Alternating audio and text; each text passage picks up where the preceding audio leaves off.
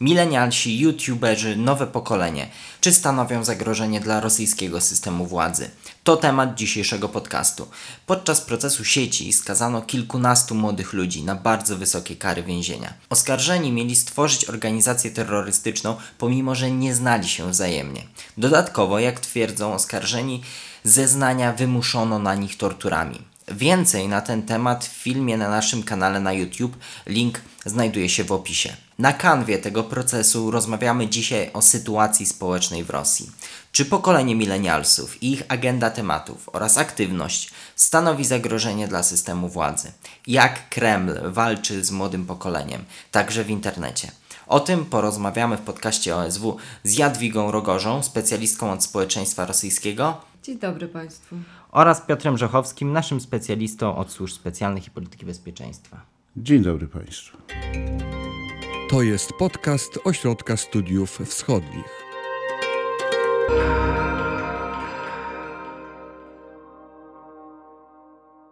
Czy ta sprawa sieci jest wyjątkowa pod względem wysokości kary, pod względem całego procesu? Tak, pod względem wysokości kary ta sprawa rzeczywiście jest wyjątkowa, dlatego że w procesie, który był uważany przez większość obserwatorów za sfabrykowany, e, nie dowiedziono właściwie niczego.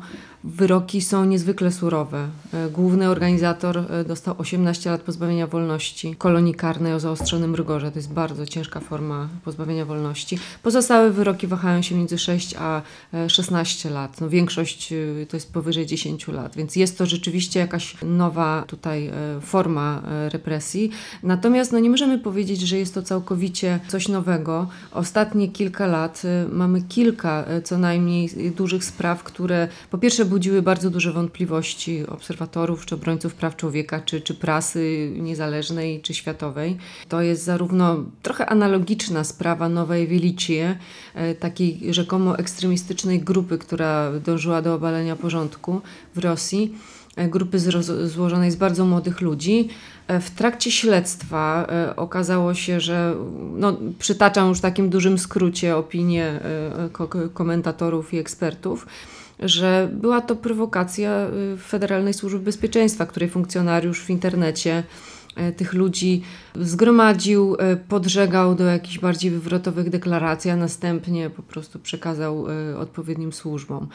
Tam zapadły tylko dwa wyroki na, na kilkanaście osób. Ten proces cały czas trwa.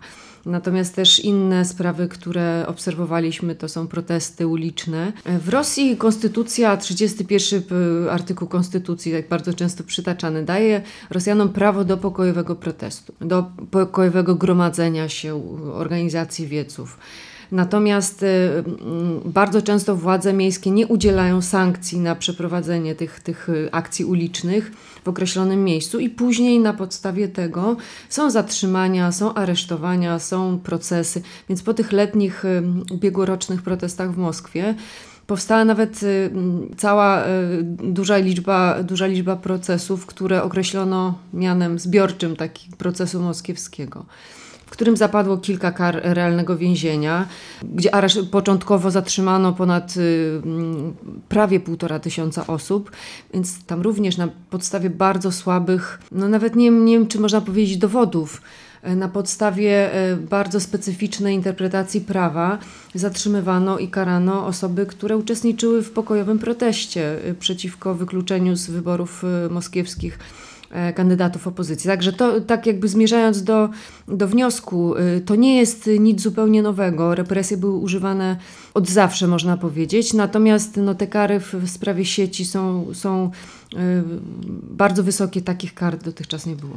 To, co się działo też przy tym procesie, to sfingowane dowody, to cały proces, który ma znamiona procesu politycznego, przy dużej aktywności także służb FSB. Czy jest to coś nowego? Jakie były przykłady do tej pory tego typu działań? Piotr Rzechowski. Co mnie zafrapowało, kiedy obserwowałem trzyletnie śledztwo w sprawie, o której mówiła Jadwiga, to oczywiście udział FSB. Ale w pewnym momencie zacząłem myśleć szerzej, zacząłem sobie przypominać całą prezydenturę Putina i podejście elit władzy do problemu zarządzania społeczeństwem. Proces w sieci był oparty o zarzuty związane z przestępstwami natury ekstremistycznej. Czymże jest ekstremizm, musimy y, przypomnieć dla rosyjskich władz. To działalność, jakakolwiek działalność mogąca naruszyć system polityczny państwa. W skrócie, nie będę cytował dosłownie ustawy o ekstremizmie, ale chciałbym przypomnieć, że ustawa o ekstremizmie została uchwalona w 2002 roku. Początek prezydentury Putina to było ustalanie systemu zarządzania państwem, w jaki sposób ta ekipa z niewielkimi zmianami personalnymi rządząca do dzisiaj, do 2020 roku Rosją, już na początku zaczęła opracowywać katalog zagrożeń dla trwałości systemu politycznego Rosji. Jednym z nich stał się ekstremizm polityczny. Interpretacja władz, co jest ekstremizmem, a co nie, jest nacechowana pełną dowolnością. Nawet sam stosunek władz do, do pojęcia ekstremizmu politycznego pokazuje pewne zmiany społeczne w Rosji. Dlatego, że powiedzmy umownie, musimy to podzielić na, na jakieś okresy. Powiedz, dekada lat dwutysięcznych ekstremizm prawicowy jest głównym wrogiem. Faszyści, nacjonaliści rosyjscy są głównym zagrożeniem dla władzy. Wtedy obejmowały procesy, które również Federalna Służba Bezpieczeństwa trochę fabrykowała. Dotyczyły środowisk ludzi młodych, tak, ale reprezentujących bardzo określone poglądy i raczej nielewicowe. Teraz lewicowe. To jest też uproszczenie. I tutaj y, mam nadzieję, że Edwiga mi pomoże. Kiedy nastąpiła zmiana przeciwnika w kontekście zwalczania ekstremizmu w Rosji? Symbolicznie przyjmujemy, że to jest 2010 rok, nasilenie się protestów antyputinowskich w Moskwie czy Petersburgu, gdzie rzeczywiście to był ostatni fenomen wielkich protestów w Rosji, wymierzonych i coś ciekawe, wymierzone personalnie w prezydenta, ale nie w system władzy. I co się dzieje dalej? Następuje proces, który pozwala nam postawić tezę, że kolejne młode pokolenia tracą identyfikację z polityką rosyjską, z politykami rosyjskimi, traktują ich raczej jako niepotrzebny element życia społecznego, krytycznie nastawieni są wobec teatrum politycznego rosyjskiego. Tylko co mnie zawsze niepokoi, nie wiem czy to Jadwiga potwierdzi, nie są w sumie nastawieni krytycznie do systemu państwa. Krytyka ogranicza się do kontestowania postępowania władz, uprawiania polityki społecznej, ograniczeń w swobodzie e, wypowiedzi.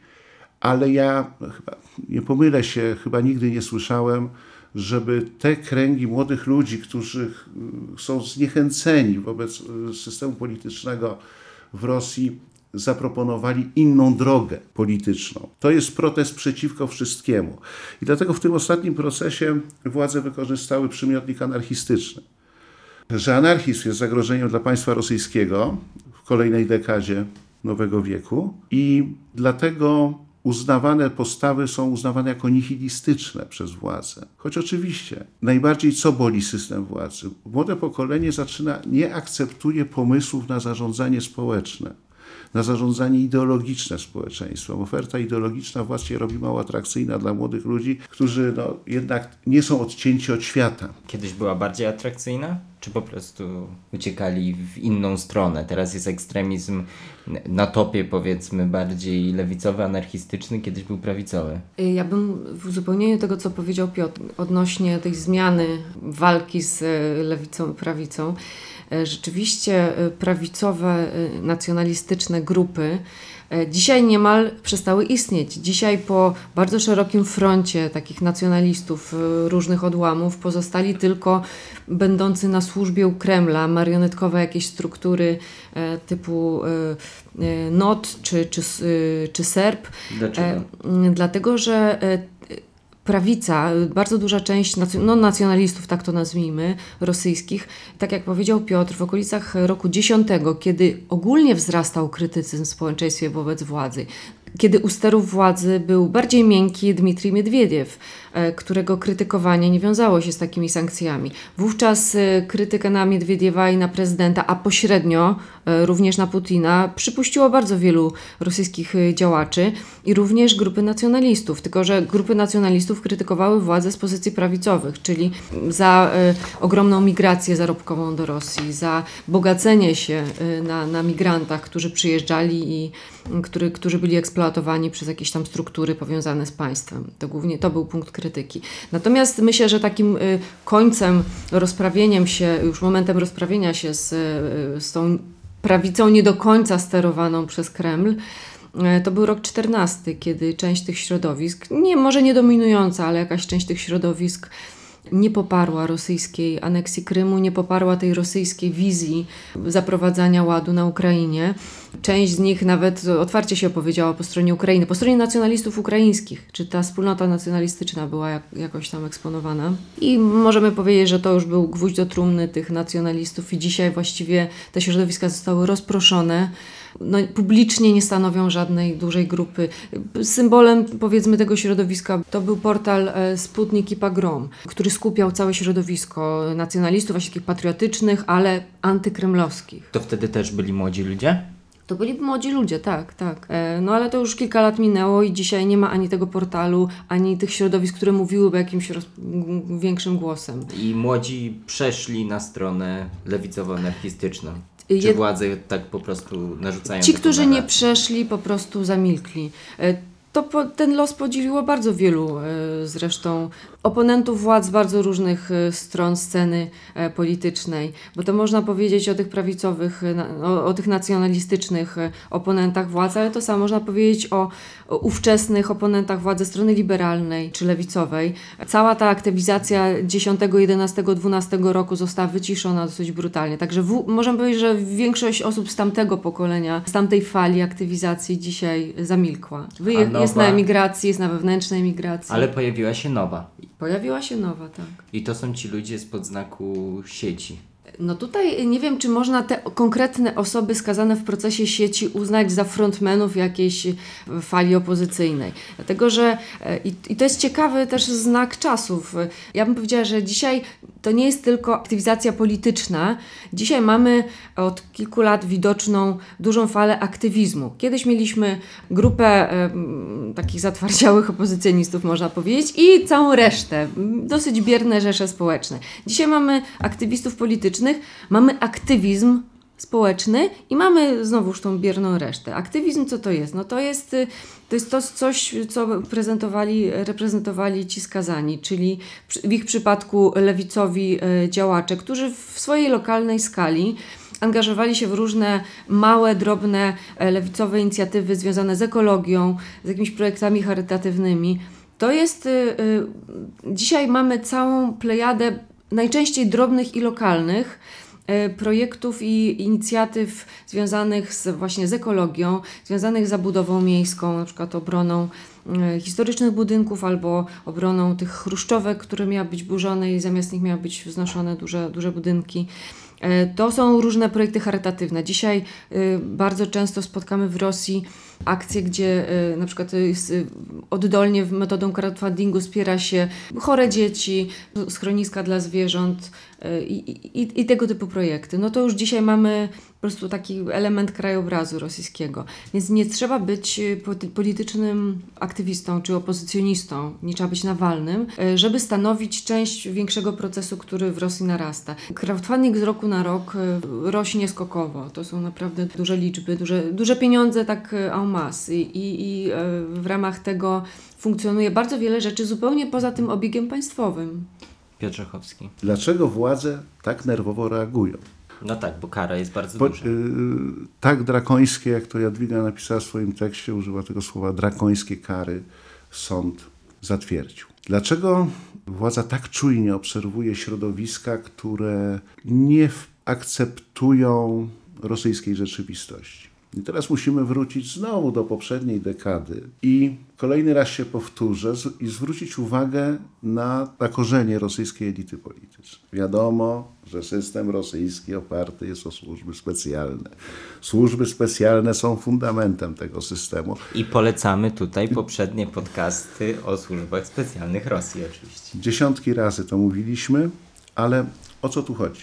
Optyka ludzi, którzy swój profesjonalizm kształtowały w służbach specjalnych, ich sposób patrzenia na świat wiąże się przede wszystkim przez pryzmat chęci dominacji nad tym światem bądź kontroli, ewentualnie likwidacji zagrożeń dla tego, co my sami robimy. I co jeszcze wiąże sprawy o ekstremizm, powiem w skrócie, kolorowe rewolucje.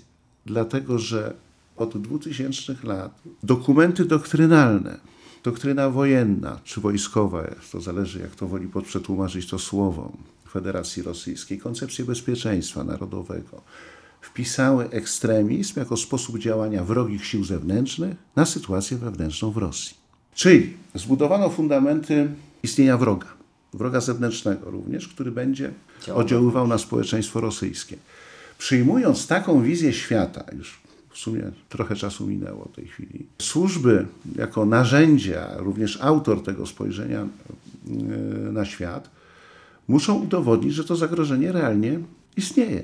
I tutaj mamy powód tych nadużyć w pracy operacyjnej, tortur, wymuszania zeznań, dlatego że, mówiąc paradoksalnie, w takim razie to zagrożenie wewnętrzne w Rosji jest, nie jest aż tak duże, jeżeli trzeba aż w tak brutalny sposób fałszować sprawy. Czyli służby kreują same sobie zagrożenie. Są jak strażacy, którzy podpalają budynek po to, żeby go za chwilę. To jest chyba najlepsze gasić. porównanie. Dodajmy, że wówczas ci strażacy sprawiają, że wszyscy mieszkańcy jeszcze idą za to do więzienia. No tak, ponieważ winni są poza e, tą ekipą strażaków.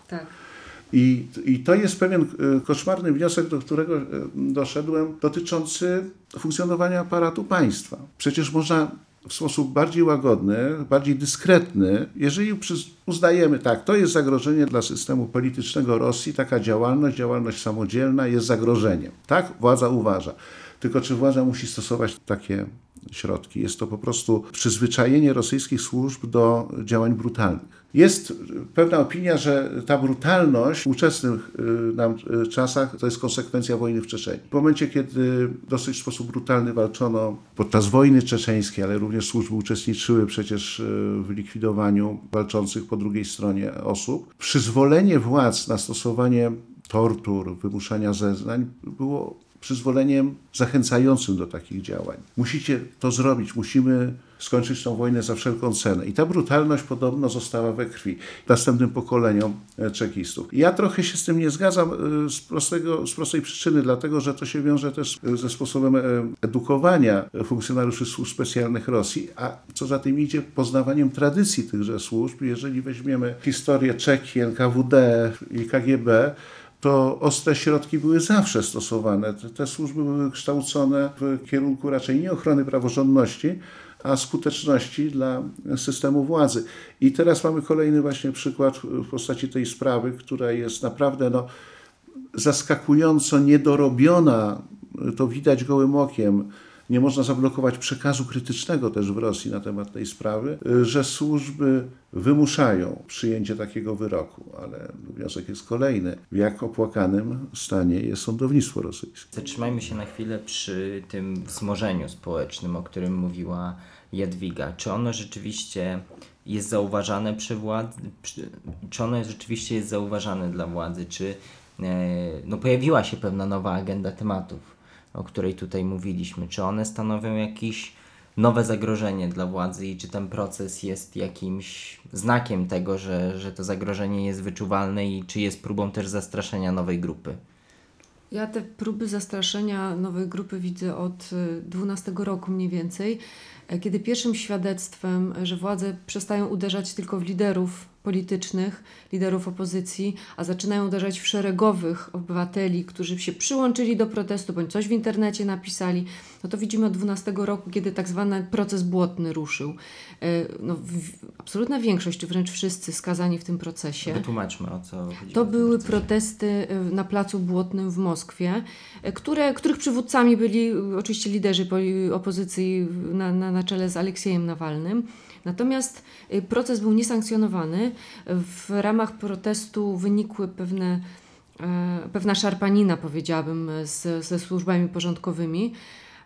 I w wyniku tego władze oskarżyły organizatorów i uczestników o prowokowanie zamieszek i skazały kilkanaście osób w tym procesie na dosyć wysokie kary, kilkuletnie kary realnego więzienia. Właśnie te kilkanaście osób, przy czym było też więcej wyroków w zawieszeniu, ale większość, czy wręcz wszystkie te osoby to byli szeregowi uczestnicy protestów. Ja pamiętam, y, najbardziej mi zapadł w pamięć ten pierwszy wyrok, Maksim Luzianin. To był taki 30-paroletni biznesmen, który po prostu się przyłączył do protestu i został skazany na 4 lata kolonii karnej. To był sygnał do społeczeństwa, że wszyscy mają się bać. To nie tylko Nawalny, który jest pod ostrzałem, tylko ty, który masz nieprawomyślne myśli w głowie, coś tam piszesz w internecie, przyszedłeś sobie postać na takim proteście, ty też masz się bać, bo ty, I też ty, nie jesteś który- bezpieczny. I ty, który zaczynasz od jakichś małych działań Tak, społecznych. Każde to małe działanie jest rejestrowane przez państwo. Wielki brat widzi i wielka ręka dosięgnie cię. Więc tak, y, tak upraszczając. I, I potem widzimy e, kontynuację tego trendu, no bo w, w tych protestach, o których mówiłam wcześniej, y, latem ubiegłego roku, no to właśnie tych młodych, takich młodocianych, bardzo często niepełnoletnich uczestników zgarniano, bardzo brutalnie zatrzymywano, bito, trzymano w tych y, samochodach policyjnych i tak dalej. Więc to y, dzisiaj również no, y, właśnie ci uczestniczy oskarżeni w sprawie sieci, to są tak naprawdę, tak jak powiedziałam wcześniej, to nie są żadni wielcy działacze opozycji. To byli po prostu jacyś lokalni, aktywni, nawet nie wiem, czy można im powiedzieć, że to, jacyś wielcy aktywiści, po prostu lokalni działacze, k- którzy robili bardzo drobne lokalne rzeczy, żyli uczciwie, nie pili piwa pod blokiem, e, nie oglądali telewizji, tylko, nie wiem, jeździli po schroniskach dla zwierząt, co jest dla władz trochę niezrozumiałe, że to tak trochę tą matrycę władz łamie, tak? No ale dlaczego? Ale o co chodzi? Co to za ludzie? Co, jak my mamy sobie z nimi poradzić? Więc również ten wyrok można traktować, poza tymi wszystkimi e, motywacjami e, służb specjalnych, o których mówił Piotr, tutaj też mamy takie spuszczenie sygnału ostrzegawczego do społeczeństwa, do, do wszystkich pozostałych e, aktywistów, opozycjonistów, niezadowolonych, oponentów wszelkiej maści, że no, nie możecie tak po prostu bez e, sankcji władz, jak to mówią Rosjanie, bez atmaszki, nie możecie tutaj sobie działać gdzieś lokalnie. Na wszystko potrzebne jest przyzwolenie. Piotr Żochowski. Ja tylko y, może taką trochę y, przypomnę pewien szczegół, w jaki sposób, do, do jakich metod się FSB posuwa, żeby udowodnić komuś ekstremizm. Jeśli nie pomylę imienia i nazwiska, Je, y, Jegor Żukow, tak? Tak, tak, tak. Y, To był aktywista, który miał portal na Twitterze, Kanał na YouTubie też. kanał na tak YouTubie. Został zatrzymany przy okazji udziału w manifestacji i w sumie można byłoby oczekiwać, że zostanie ukarany administracyjnie za udział w jakimś nielegalnym zgromadzeniu, ale nie, w pewnym momencie pojawiają się zarzuty ekstremistyczne. Akt oskarżenia mówił o tym, że on wzywał Do obalenia, do obalenia ustroju politycznego, konstytucyjnego państwa. Ale na jakiej podstawie? No cóż, tutaj zaprzęgnięto naukę o języku, żeby udowodnić tą wielką zbrodnię. Specjalista, językoznawca, zatrudniony przez, wynajęty przez FSB, poproszony jako konsultant, przeanalizował wpisy oskarżonego i stwierdził, że jeżeli on mówi, nie idźcie na wybory i protestujcie bez ograniczeń, w każdy sposób protestujcie. To znaczy, że jeśli w każdy sposób, to znaczy, że myśli o przemocy. I na tej podstawie dostał wyrok. Ja jeszcze dodam, bo sprawa Igora Żukowa rzeczywiście jest absurdalna i obfituje w różne takie, no powiedziałoby się zabawne, gdyby to nie było dramatyczne szczegóły, y, ponieważ początkowo został zatrzymany na podstawie oskarżeń o wzniecanie zamieszek. Y, rzekomo os- zostały y, przedstawione nagrania, na których to rzekomo Igor Żukow y, y, nawoływał młodych ludzi do pójścia i atakowania budynków rządowych w czasie demonstracji. Po czym się okazało, Igora zatrzymano, po czym się okazało, że to była zupełnie inna osoba. Rozpoznano inną osobę na tym filmie, a Igor Żukow szedł gdzieś tam obok i również był na tym nagraniu, tylko że zupełnie w innym miejscu.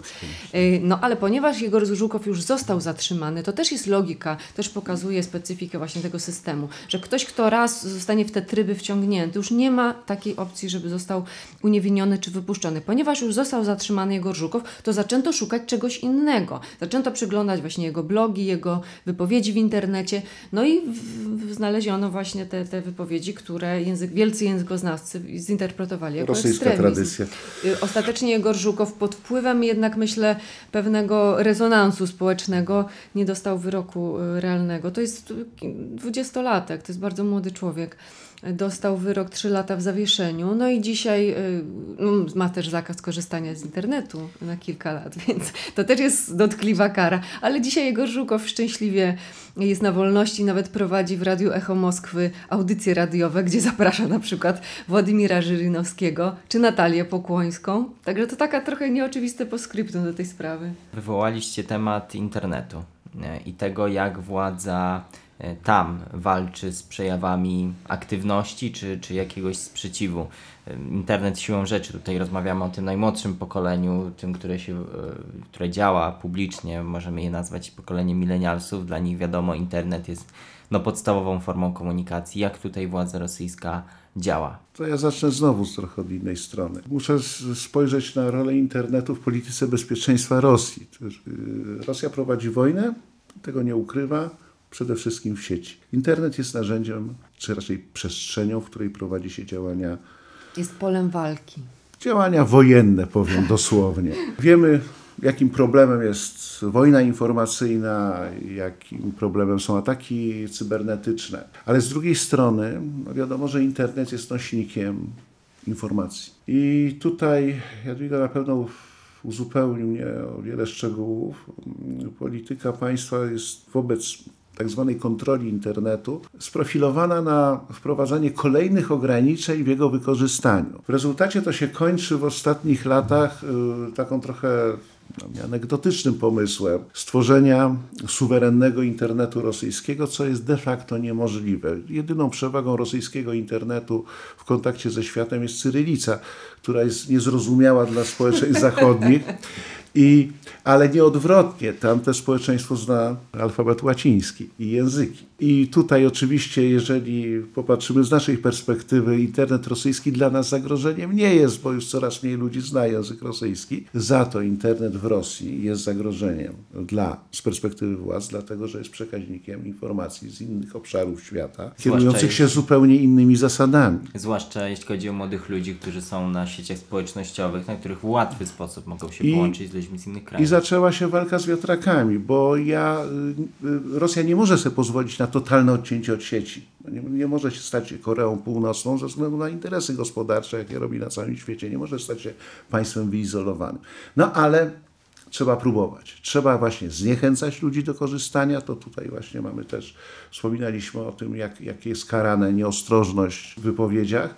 Z drugiej strony próbuje się zastępować pewne produkty zachodnie w postaci komunikatorów, portali internetowych własnym produktem rosyjskim, co też ja nie wierzę, że się uda, bo atrakcyjność zawsze będzie, będzie trochę mniejsza, ale ta polityka jest konsekwentna. W to zaangażowanych w sposób administracyjny są angażowani operatorzy internetowi w Rosji, czyli jeżeli mamy ułatwić kontrolę, kto i jak się komunikuje przez sieć, no to kluczową rolę spe- spełniają operatorzy internetowi i tutaj już służby położyły swoją opiekuńczą rękę na nich przede wszystkim, zobowiązując wręcz ich do współpracy online, tak, na bieżąco, bez zgody sądu. My możemy was czytać i słuchać. Ten przekaz jest nagłaśniany. To też wpisuje się w tą politykę e, takiej może nie represyjności, ale oddziaływania na społeczeństwo, żeby z takim, pod, takim podprogowym apelem lepiej bądźcie bierni, nic nie róbcie, będziecie wtedy żyli spokojnie. Tutaj y, ja też podpiszę się. Ja też chciałam poprzeć to, co powiedział Piotr, jeżeli chodzi o bierność. To jest trochę temat poboczny, ale to jest bardzo ważna rzecz, że władza nie tyle oczekuje od społeczeństwa gorącego popierania, czy jakiegoś manifestowania e, poparcia, czy miłości dla władzy. Wystarczy im bierność. Wystarczy, żeby to społeczeństwo nie podejm- podejmowało aktywnych działań. I to najlepiej aktywnych opozycyjnych działań politycznych, ale również niezbyt mile widziany jest taki aktywizm, który gdzieś tam się pleni, który prędzej prędzej czy później no może tej, tego upolitycznienia doprowadzić, bo i tu łącząc to z internetem. No faktycznie internet y, dla społeczeństwa, ja już dawno temu napisałam, że internet to była taka proteza społeczeństwa obywatelskiego. 10 lat temu odegrał niesamowitą rolę w zastępowaniu nieistniejących w realu instytucji obywatelskich. W Rosji te instytucje faktycznie nie istnieją państwowe, y, tylko stał się takim y, katalizatorem, właśnie kanałem komunikacji, poszukiwania zwolenników, załatwiania różnych spraw y, nagłaśniania, czasami y, nagłośnienie jakiegoś, jakiegoś, jakiegoś skandalu, czy nie wiem, jakiegoś represyjnego działania władz pomaga osobom, e, osobom poszkodowanym. Ja pracując w Rosji, kilka lat spędziłam w Rosji, e, od bardzo wielu działaczy politycznych z regionów, gdzieś tam z dalekich, e, prowincjonalnych miast słyszałam, czy pytając, czy pomaga im ten rozgłos, czy wręcz szkodzi w przypadku jakichś działań, czy, czy kontakty z zachodnimi dyplomatami pomagają, czy szkodzą. Za każdym razem słyszałam, że pomagają, dlatego że ten rozgłos sprawia, że człowiek przestaje być anonimowy i może liczyć na, na jaką, jakieś wsparcie, przynajmniej, nie, przynajmniej zdalne. Czy działania władz są skuteczne, jeśli chodzi o internet i, social, i media społecznościowe? Czy rzeczywiście... Działania władz są bardzo częściowo skuteczne, dlatego że dla mnie, z mojej perspektywy, ja nie jestem specjalistką ani od y, te kwestii technicznych internetu, ani od służb specjalnych, ale z mojej perspektywy to, co internet daje społeczeństwu, to jest o wiele więcej niż to, co władza jest w stanie, y, jak władza jest w stanie wykorzystać internet do kontroli, pewnej prewencji czy y, represji wobec społeczeństwa. Owszem, te działania represyjne są. Iluś internautów, blogerów y, poniosło karę, w tym realne kary więzienia, ale to wcale nie sprawiło, że w internecie jest mniej krytyki władz, kpiny z władz. Właściwie y, ten, ten proces idzie o wiele szybciej, władze nie są w stanie nad całością zapanować i widać, że y, ten wydźwięk tych kar nie był na tyle silny, by kolejne pokolenia albo wręcz te same osoby y, zaprzestały pisania. Więc dzisiaj, dzisiaj internet mamy pełen y, bardzo krytycznych y, wobec władz komunikatów. W mediach społecznościowych też pojawiają się nowi liderzy, nowe pokolenie. Tak, i tutaj możemy wymienić przykład Jurija Dudia jako chyba najbardziej znanego dzisiaj e, celebryty internetowego, który, który zyskał gigantyczną popularność i jest e, też bardzo bogatym człowiekiem, zawdzięczając to właśnie tej swojej pomysłowi na, na swoje takie dziennikarstwo e, związane z, początkowo z celebrytami. I to jest bardzo ciekawe, że dzisiaj ten bardzo młody człowiek, bardzo młody dziennikarz zaczyna ewoluować w kierunku dokumentalisty, który porusza bardzo trudne, niewygodne tematy. Bo czy on, bardzo on nośne zaczął, się, tematy. zaczął się zajmować takimi na początku celebryckimi Tak, sprawami? zasłynął z wywiadów z celebrytami. Początkowo był dziennikarzem sportowym, potem właśnie zyskał ogromną popularność prowadząc y, wywiady z celebrytami, czy to też przyciągało uwagę. To zapewniło mu sukces finansowy. Natomiast w ostatnich latach Dudź zaczyna sięgać po tematy trudne, po tematy cenzurowane dotychczas. Pierwszym jego takim dużym projektem był film Kołyma, film tak naprawdę o represjach stalinowskich, film o strachu, który panuje w Rosji. To był chyba taki główny, ciekawy, dzisiaj ciekawy wniosek z tego filmu, jak bardzo strach paraliżuje rozwój w Rosji, jak bardzo strachem są sparaliżowane pokolenie jeszcze rodziców Dudia czy dziadków, więc on nawoływał trochę poprzez ten film do zrzucenia tego strachu. Drugim filmem był y, film o, dokumentalny o Biesłanie, o akcie terroru w Biesłanie, podważający oficjalną wersję wydarzeń, pokazujący jak bardzo państwo tam sprowokowało tak naprawdę szturm, który skutkował e, tak ogromną liczbą ofiar i tam głównym wnioskiem Dudia było to, że państwo ma za nic e, ofiary e, w ludziach, że państwo jest w stanie osiągać swoje cele bez wahania poświęcając e, życia ludzkie. To, to, był bardzo mocny wniosek, który tam jedną z głównych e, wypowiadających się w tym filmie była Ilena Milaszyna, e, dziennikarka Nowej Gazety, taka można powiedzieć następczyni Anny Politkowskiej. To był mocny przekaz, który i ostatnim filmem Dudia dokumentalnym jest film o HIV-ie w Rosji, o, o wirusie HIV, e, który no, zastępuje, właściwie który jest, ma ogromny walor edukacyjny, który tłumaczy Rosjanom, czym jest ten wirus, jak się zabezpieczać, jak bardzo niegroźny jest dla otoczenia obcowanie z osobą chorą, osobą zakażoną wirusem HIV. E, I widzimy, jak, ja- jaki jest ogromny kontrast, jak władze mówią o pewnych chorobach, o profilaktyce, przy okazji na przykład koronawirusa i tego, jak e, informowały o nim media państwowe, gdzie po prostu powielano niby żartem, a tak naprawdę na poważnie powielano jakieś teorie spiskowe o koronawirusie, pokazywano niestworzone rzeczy. E, tutaj w przypadku filmu o Dudia o HIV mamy bardzo taką rozsądną, spokojną, wyważoną narrację, bez uciekania się do jakichś mm, brukowego e, takiego podejścia do tematu, sensacyjnego. Dud wykonał ogromną pracę, której nie wykonały instytucje państwowe. I media. e, ponieważ jest popularną osobą, ponieważ jego przekaz jest bardzo taki prosty, no to nie jest intelektualny, jakiś wyrafinowany przekaz. Czasami pada tam bardzo dużo słów e, uznawanych za niecenzuralne, ale jest to taki bardzo bliski młodym osobom przekaz. I to sprawia, że te filmy są oglądane przez ogromną liczbę ludzi. Przechodzimy tutaj do tematu zagrożeń. Czy tacy ludzie, youtuberzy, aktywiści tego rodzaju, są zagrożeniem realnym w perspektywie służb rosyjskich i w perspektywie zagrożenia po prostu dla władzy? W perspektywie służb zawsze inaczej myślący będą zagrożeniem. To niestety jest sztampa i tutaj nie, nie, nie ma, bez zmiany ustroju politycznego nie będzie, nie będzie większej zmiany. Ja się tylko zastanawiam nad jednym, bo jak tutaj z naszej rozmowy wychodzi też ciekawa sprawa, że władza reaguje różnorako, bardziej ostro, mniej ostro, bardziej zdecydowanie, mniej zdecydowanie. Każda sprawa, jakbyśmy ją wzięli pod lupę, dotyczy czegoś innego trochę, my to ugalniamy, że że to się wiąże z tym, że ci ludzie po prostu nie akceptują obecnej rosyjskiej rzeczywistości politycznej przede wszystkim. Ale z drugiej strony reakcje władz e, są nierówne. To nie jest represyjność na dużą skalę. To jest represyjność, która, y, która jest jakby dozowana, przypominana, że system państwa jest sprawny, system państwa istnieje, my was obserwujemy, jesteście pod kontrolą, ale czy można mówić o eskalacji represyjności w Rosji? No to ja tutaj będę bardzo ostrożny. Ja tej takiej eskalacji, takiej typowego prowadzenia już terroru nie widzę. Za to rzeczywiście niektórzy ludzie mają nieszczęście dostać się w tryby władzy wykonawczej i zostać, tak jak ostatnio bohaterowie tego procesu, od którego dzisiaj zaczęliśmy naszą rozmowę, no, mieć już fatalne konsekwencje na całe życie. I taki sygnał jest bardzo przemawiający do, do, do, do przeciętnego człowieka, że jeżeli ja w sposób no, nawet hu, pozornie humorystyczny zacznę kpić z pana prezydenta, zacznę podważać wersję władz w niektórych sprawach, które są, one traktują wraż, jako informację wrażliwą. Ich wersja jest, ma być obowiązująca, bo jej podważanie burzy porządek tak, w ich, w ich mniemaniu.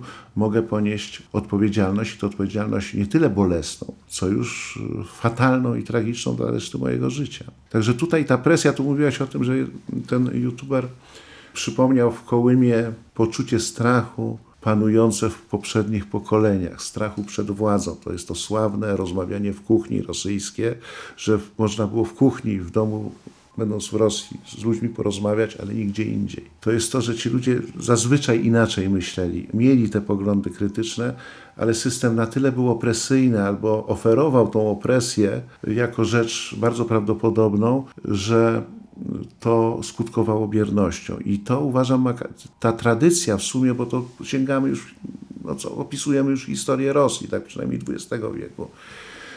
I pewne procesy intelektualne, społeczne, procesy myślowe wręcz, sposób patrzenia na świat, opisujemy Rosjan, jak oni patrzą na świat, jaki jest ich katalog zachowań ostrożnych, a jaki jest nasz. To jest bardzo ciekawe dla socjologów, uważam, wyzwanie, bo w tym świecie, świecie społecznym działają służby, tak? I one badając też społeczeństwo, bo nie ukrywajmy, służby robią własne badania socjologiczne, dobierają środki działania do ich wyników. Powiedziałabym jeszcze do tego, co powiedział Piotr, że w Rosji rzeczywiście ta bierność to jest siła władzy, bierność społeczna.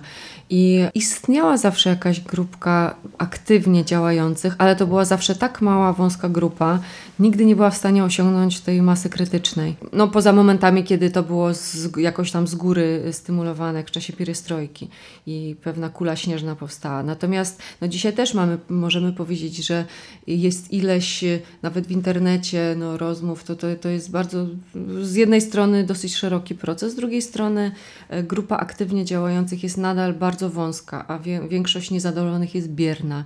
I władze dbają o to, żeby ta bierna, niezbyt zadowolona większość taka bierna pozostała. Ja jeszcze wrócę do pytania, Tomku, twojego, e, czy, y, czy ci milenialsi, czy youtuberzy są zagrożeniem dla władz.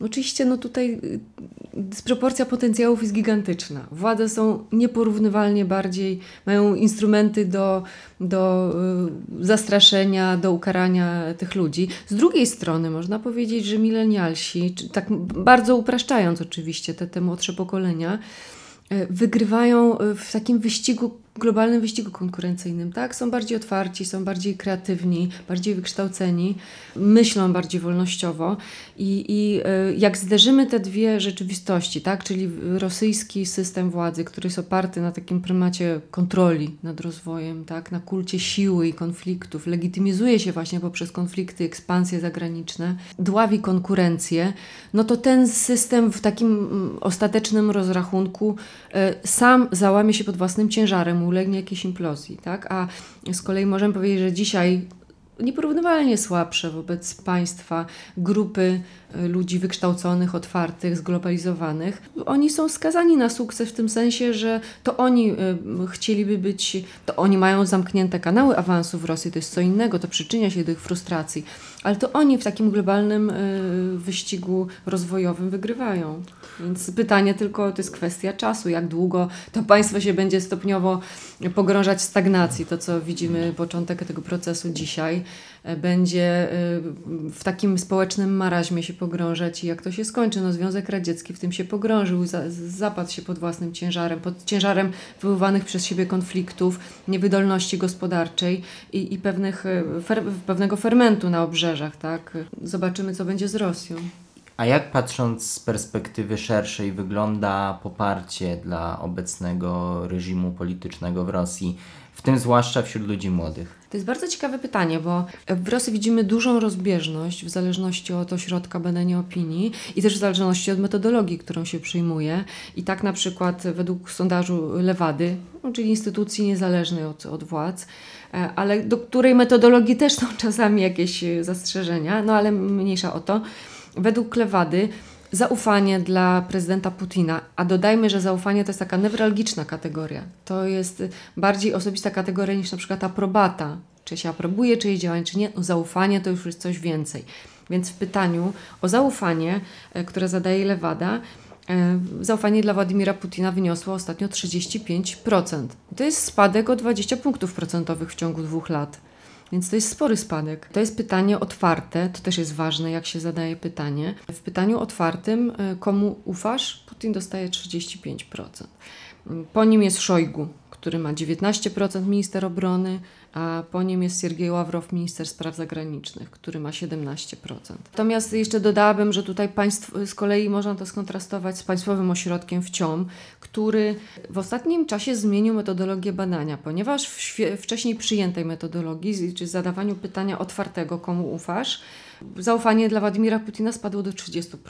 I po publikowaniu tego przez jakiś czas, jak obserwowałam te sondaże, w ciom e, nagle przestał publikować w ogóle to badanie i wprowadził zmianę metodologii, wprowadził pytanie zamknięte, czy ufasz Władimirowi Putinowi? I nagle z 30% skoczyło to do 70%.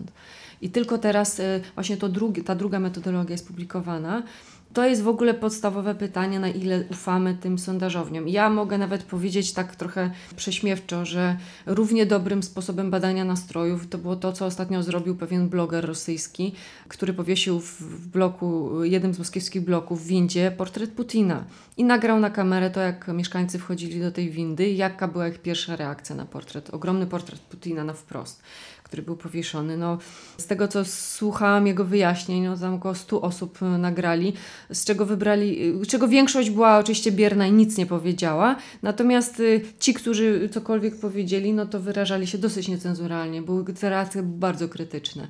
No więc to jest, y, myślę, że tak samo y, skrajny, skrajna metodologia, jak metodologia w ciągu. Możemy przyjąć jedno i drugie. Mhm, Gdzieś pomiędzy nimi jest ta prawda. No badania socjologiczne w Rosji są, ich analiza jest y, to, to wyzwanie rzeczywiście bardzo duże. To mi się przypomniało, że na przykład na pytania zazwyczaj skierowane do respondentów, jakim instytucjom państwowym ufasz, to jest duże zaufanie do sławnej triady. I to jest też pewien paradoks. Na pierwszym miejscu jest armia. Do niedawna był prezydent, a teraz spadł Prezydenta na drugie lub wycofali, trzecie miejsce. to prawda, a potem mamy sektor bezpieczeństwa i cerkiew w różnych, powiedzmy, konfiguracjach. Prezydent został wycofany z tych badań. Ale najpierw spadł na drugie miejsce, a potem był I, wycofany. i, I w mojej optyce ja tego nie wiązałem z, z tuszowaniem, ponieważ są inne badania pokazujące spadanie sondaży, tylko raczej z koniecznością wypromowania sił zbrojnych. Pokazania, że siły zbrojne to jest ta opoka Rosji właściwie jako państwa.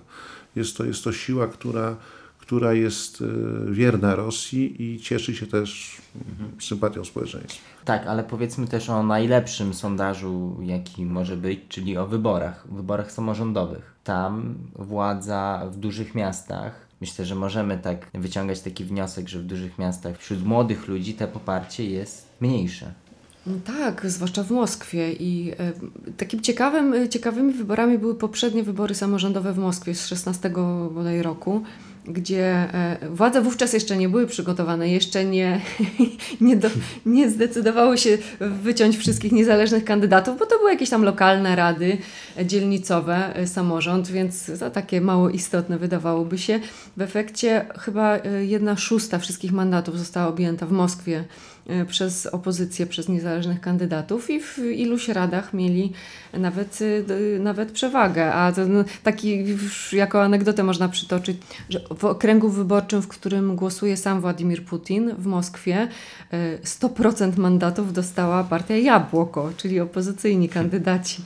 To taka symboliczna przegrana władzy, ale... Mm, i co tu jeszcze warto dodać, że y, ci wszyscy samorządowcy, którzy w 16 roku weszli do tych rad, widzieliśmy jak przez kilka kolejnych lat oni trochę okrzepli w swojej działalności, ponieważ już mieli styczność z jakimś zarządzaniem na poziomie chociażby lokalnym, z rozporządzaniem jakimiś budżetami, z kontaktami, e, interakcją z władzami państwowymi, bronieniem pewnych lokalnych interesów.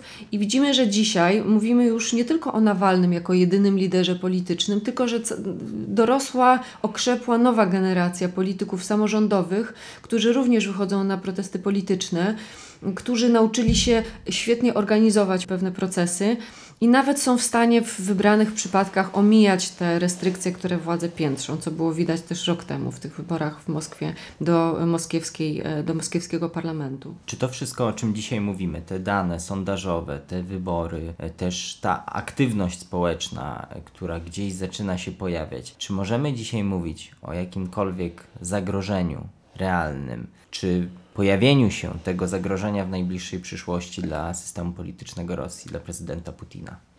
Nasza rozmowa była poświęcona do- dosyć specyficznemu, specyficznemu problemowi, czyli w sumie niechęci grupy młodych ludzi, znaczy warstwy społecznej, tak? młodych ludzi y, niechętnych władzy. Ale nie zapominajmy, że istnieje też potencjał protestów społecznych na podłożu ekonomicznym. O tym nie mówiliśmy. To też jest zagrożenie dla systemu politycznego. No ja chcę przypomnieć, były takie sytuacje przecież w Rosji dosyć, dosyć głośne, czyli strajki w zakładach, opartych w zakładach przemysłowych, na których oparte jest miasto, istnienie miasta. Tak? I tutaj w momencie, kiedy na przykład mm, sytuacja gospodarcza się pogorszy w Rosji, a może się pogorszyć, protesty o podłożu ekonomicznym mogą się nasilić. Więc mamy tutaj warstwę oczywiście dosyć ekskluzywną, bo, bo ciągle pamiętajmy, że mówimy o ludziach, którzy stanowią specyficzną grupę. Nie możemy ich identyfikować z jakąś przeciętną sp- społeczną rosyjską, raczej to są mieszkańcy wielkich miast i też są w miarę dobrze sytuowani finansowo. Nie, nie walczą o byt. To nie jest protest społeczny wynikający z biedy. To jest raczej protest reagujący na biedę intelektualną oferującą przez system polityczny.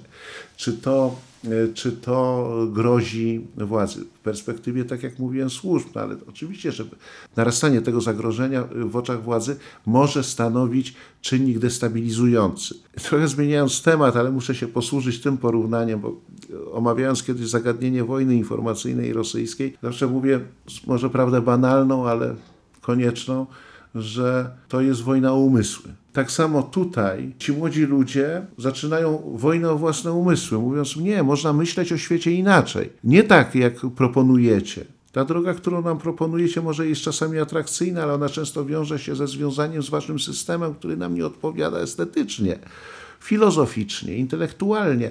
Chcemy żyć w innym świecie. I to jest niepokojące w momencie, kiedy państwo ma charakter autorytarny, nie bójmy się tego, tego słowa, i chce budować jakąś jedną wspólną ideologię państwową, jedną wspólną wizję historii, marginalizować prawo do wyrażania nie tyle sprzeciwu, co pokazywania alternatywnych dróg wyboru.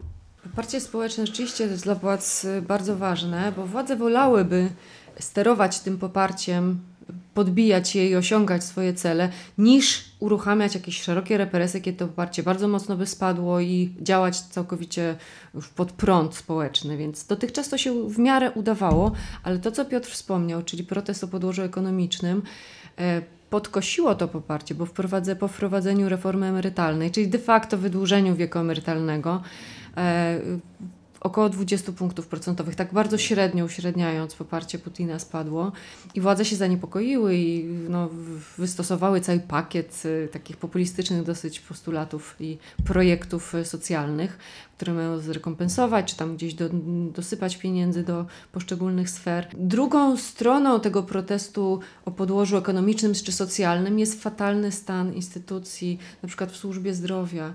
To jest rzeczywiście, jak popatrzymy zwłaszcza na regiony, na prowincje, to jest naprawdę zapaść. Ludzie tracą efektywny dostęp do pomocy medycznej, czasami nawet podstawowej i zaczyna dochodzić do, zaczynają się, no to jest wiele jednostkowych przypadków, może to nie są jakieś masowe, jeszcze masowa umieralność, ale po prostu ja co, co chwila czytam w internecie o przypadkach, kiedy karetka nie dojechała, kiedy ludzie umierają z powodu nieudzielenia pomocy, kiedy umierają na raka, dlatego że musieliby dojeżdżać powiedzmy tysiąc kilometrów do specjalistycznej placówki. I tego jest bardzo dużo, kiedy y, zamk- tak zwanej optymalizacji służby zdrowia zamknięto bardzo wiele mniejszych placówek w mniejszych miastach i teraz niby w dużych miastach są większe, e, większe placówki, ale dla ludzi mieszkających gdzieś dalej to jest y, równoznaczne z tym, że tej pomocy nie otrzymują. Zaczynają się plenić po prostu jakieś formy samoleczenia, takich jak chodzenie do znachorek, czy do jakichś szamanów, y, czy leczenie ziołami. No to już są skrajne formy, ale, ale y, mam wrażenie, że służba zdrowia to tutaj też jest potencjalna taka wytykająca bomba zegarowa, jeżeli chodzi o państwo dobrobytu, które tutaj władze w swojej retoryce wykreowały. Temat protestów w Rosji, temat sytuacji politycznej na pewno będziemy śledzić w naszych przyszłych materiałach, zarówno na oswwaw.pl, jak i na naszych podcastach i kanale na YouTube. I właśnie polecam do zapoznawania się z tym, co już wcześniej przygotowaliśmy, zarówno na naszym kanale w formie krótszych komentarzy wideo, jak i tutaj w formie bardziej pogłębionych analiz podcastowych. Dziękuję. Naszymi gośćmi byli Jadwiga Rogorza Dziękuję bardzo. i Piotr Żochowski. Dziękuję bardzo. Dziękujemy i do usłyszenia następnym razem. Wysłuchali Państwo podcastu Ośrodka Studiów Wschodnich. Więcej nagrań można znaleźć na stronie www.osw.waw.pl.